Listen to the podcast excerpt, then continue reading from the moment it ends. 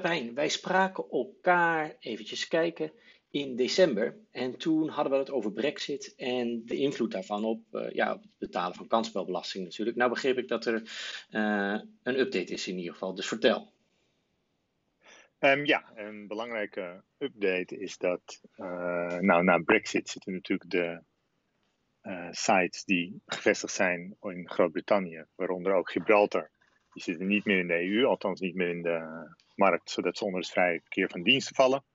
Mm -hmm. Brexit was eigenlijk al een jaar eerder, hè, maar de, ze zaten nog een jaar lang in de, in de vrije markt van mm -hmm. Europa. En uh, sindsdien zouden die dus niet meer belastingvrij zijn. En uh, ik, sommige sites hebben een kantoor op Malta ook geopend daarna. Mm -hmm. Maar dat is over het algemeen naar het Nederlandse recht niet genoeg om te oordelen dat ook de houder dan binnen de EU zit. Nee, dat weten we natuurlijk uh, nog uit de hele situatie met PokerStars. Precies. Uh, maar de Belastingdienst heeft aangegeven dat tot de invoering van de nieuwe wet, uh, 1 oktober wordt dat, als het goed is, mm -hmm. partypoker en B-win niet zullen worden belast. Oké. Okay. De Belastingdienst zegt natuurlijk wel dat er uitdrukkelijk niet het standpunt wordt ingenomen dat die houders binnen de EU zijn gevestigd, maar uh, ja, dus, dus min of meer uh, gedoogd dat daar belastingvrij kan worden gespeeld, althans voor de kansspelbelasting belastingvrij, tot 1 oktober. Oké, en heb jij enig idee waarom dat voor Party Casino uh, of Party en Bwin dan geldt? En ik zeg maar iets, William Hill en 888 die ook op Gibraltar zijn gevestigd, daar gaat dat niet voor op? Um, ja, dat weet ik eigenlijk niet. Um, ik denk dat dat twee casino's zijn waar, waar bij de Belastingdienst zelf uh, echt van overtuigd is dat het Gibraltar is en dat er geen uh, discussie mogelijk is over een andere vestigingsplaats. Mm-hmm. Ik denk dat dat de reden is. En ik denk niet dat het per se te maken heeft met dat die partijen wel een vergunning krijgen en anderen niet of zo. Ik denk niet dat dat speelt als je in die richting dacht.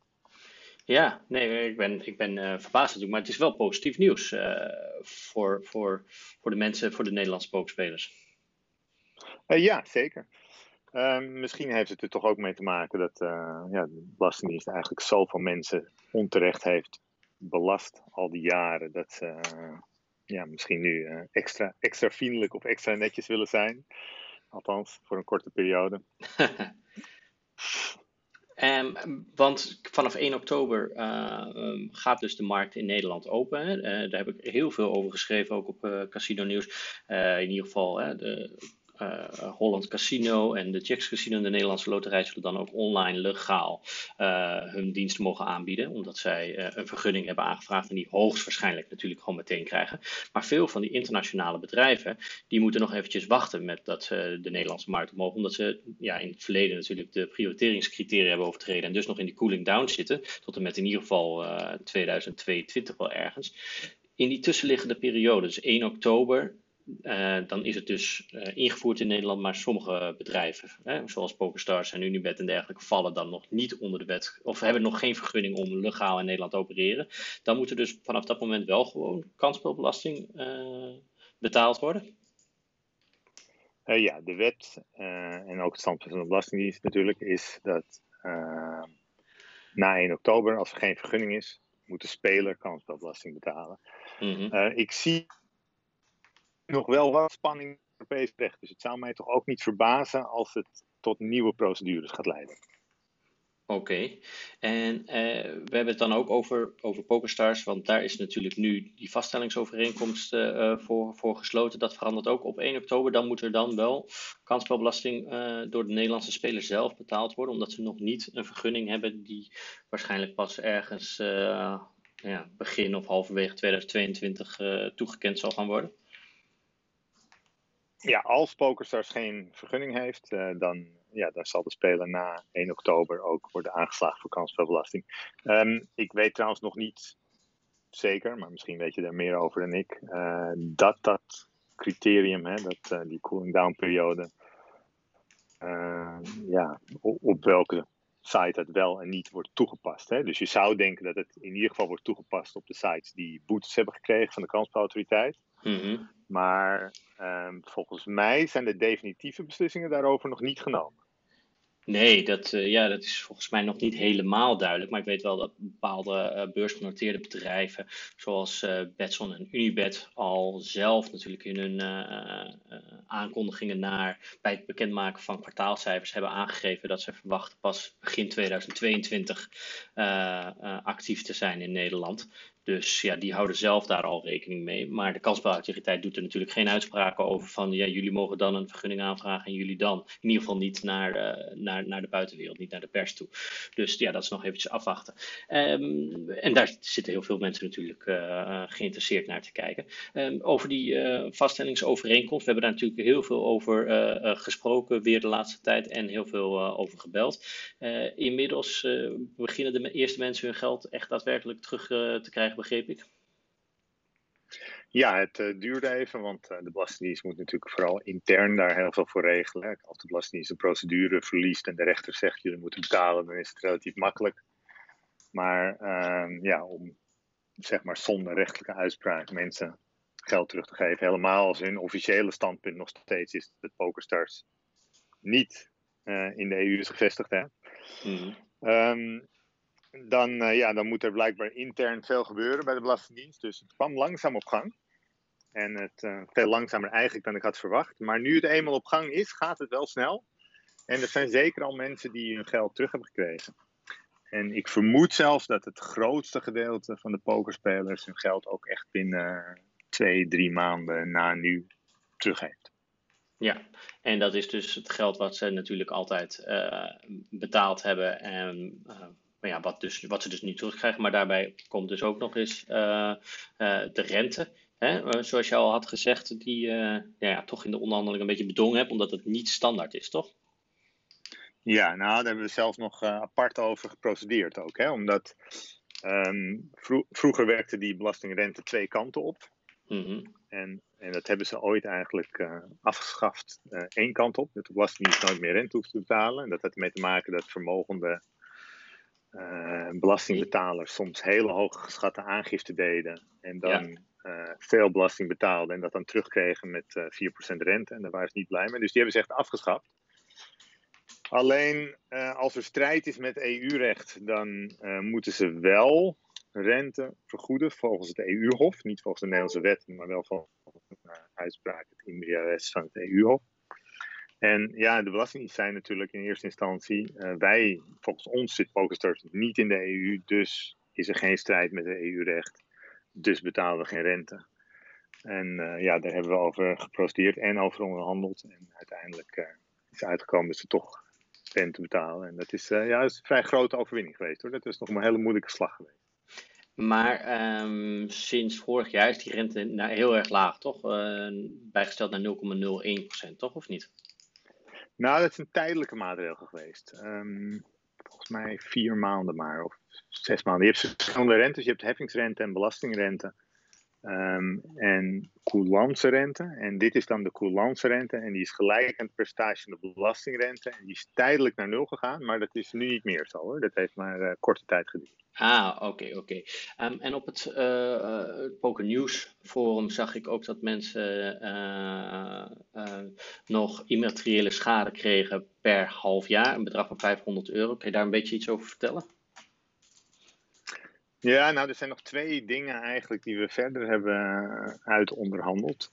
Mensen hebben natuurlijk heel hard moeten procederen. En al die jaren, soms wel tien jaar, hun ja. advocaat moeten betalen eigenlijk.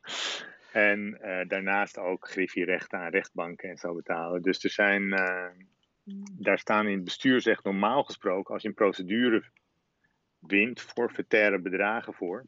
Mm -hmm. En ja, wat ik dus ook heb bedongen uh, voor mijn cliënten, is dat die, ehm, dat die vergoedingen krijgen voor griffierechten en proceskosten. En die zijn ja, gedeeltelijk afhankelijk van hoe lang je hebt geprocedeerd. Maar van verschillende factoren afhankelijk hoor. Het, is niet altijd, eh, het zijn niet altijd dezelfde bedragen. Maar er zijn wel min of meer forfaitaire bedragen die we uh, daarin ook hebben afgesproken. Ja. Maar niet alleen de mensen die zich bij jou hebben aangesloten of bij een, uh, ja, een andere advocaat in de arm hebben genomen, krijgen die, maar eigenlijk iedereen die ooit bezwaar heeft gemaakt. Um, ja, zo pakt het nu eigenlijk wel uit. Hè. Er zijn natuurlijk mensen die. ehm, het gaat, ja, er zijn natuurlijk veel mensen die professionele bijstand hebben ingehuurd. Hè. Heel veel van mij, maar ook eh TaxWise en eh, vroeger Taxant. Mhm. Eh, ook via die pokerstichting bij Taxant en zo. Dat is natuurlijk allemaal professionele rechtsbijstand. Dus ehm, ja, en dat is. de, de- het, het is zo dat mensen die ehm, dus nooit professionele bijstand hebben ingehuurd, eh, ja, nu voor dezelfde deal in aanmerking komen. Dat klopt. Nou, die hebben dan een beetje geluk eh, wat dat betreft. Oké, eh, dat zijn toch goede ontwikkelingen. Die, grootste ja, bubs, wil ik zeggen, die ligt een beetje achter je natuurlijk. Hè? Want die grootste overwinning, ja, die, die hebben we natuurlijk inmiddels al gevierd. Ik neem aan dat je wel een glaasje champagne erop hebt gedronken.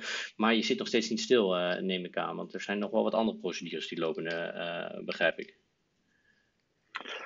Ehm, ja, al, al, al zijn er natuurlijk heel veel eerder gevoerd. En dat zijn mensen misschien vergeten. Maar we hebben ook over de vestigingsplaats van Party Poker en B-Win en 888 allemaal moeten procederen ooit. Hè. Alleen PokerStars duurde veel langer natuurlijk. Eh, maar er zijn zeker nog wel wat haken en ogen hoor. Want ehm, kijk, PokerStars.fr hebben we dus bij twee hoven verloren uiteindelijk. Hè. En dus die, Mhm. die is in twee, twee hoograad uitspraken verloren. Dus daar konden we eigenlijk eh, niks meer aan doen. Maar daarom zei ik ook, ik denk dat de meeste pokerspelers binnen een paar maanden hun geld terug hebben. Omdat er altijd wel losse eindjes zijn. En eh, één voorbeeld daarvan is PokerStars.es. Ik heb wel een aantal cliënten die daar gespeeld hebben. Terwijl eh, de Belastingdienst zegt dan natuurlijk in eerste instantie: eh, wij zijn bereid PokerStars.eu terug te betalen, ondanks dat we niet toegeven dat ze in de EU zitten. Mhm.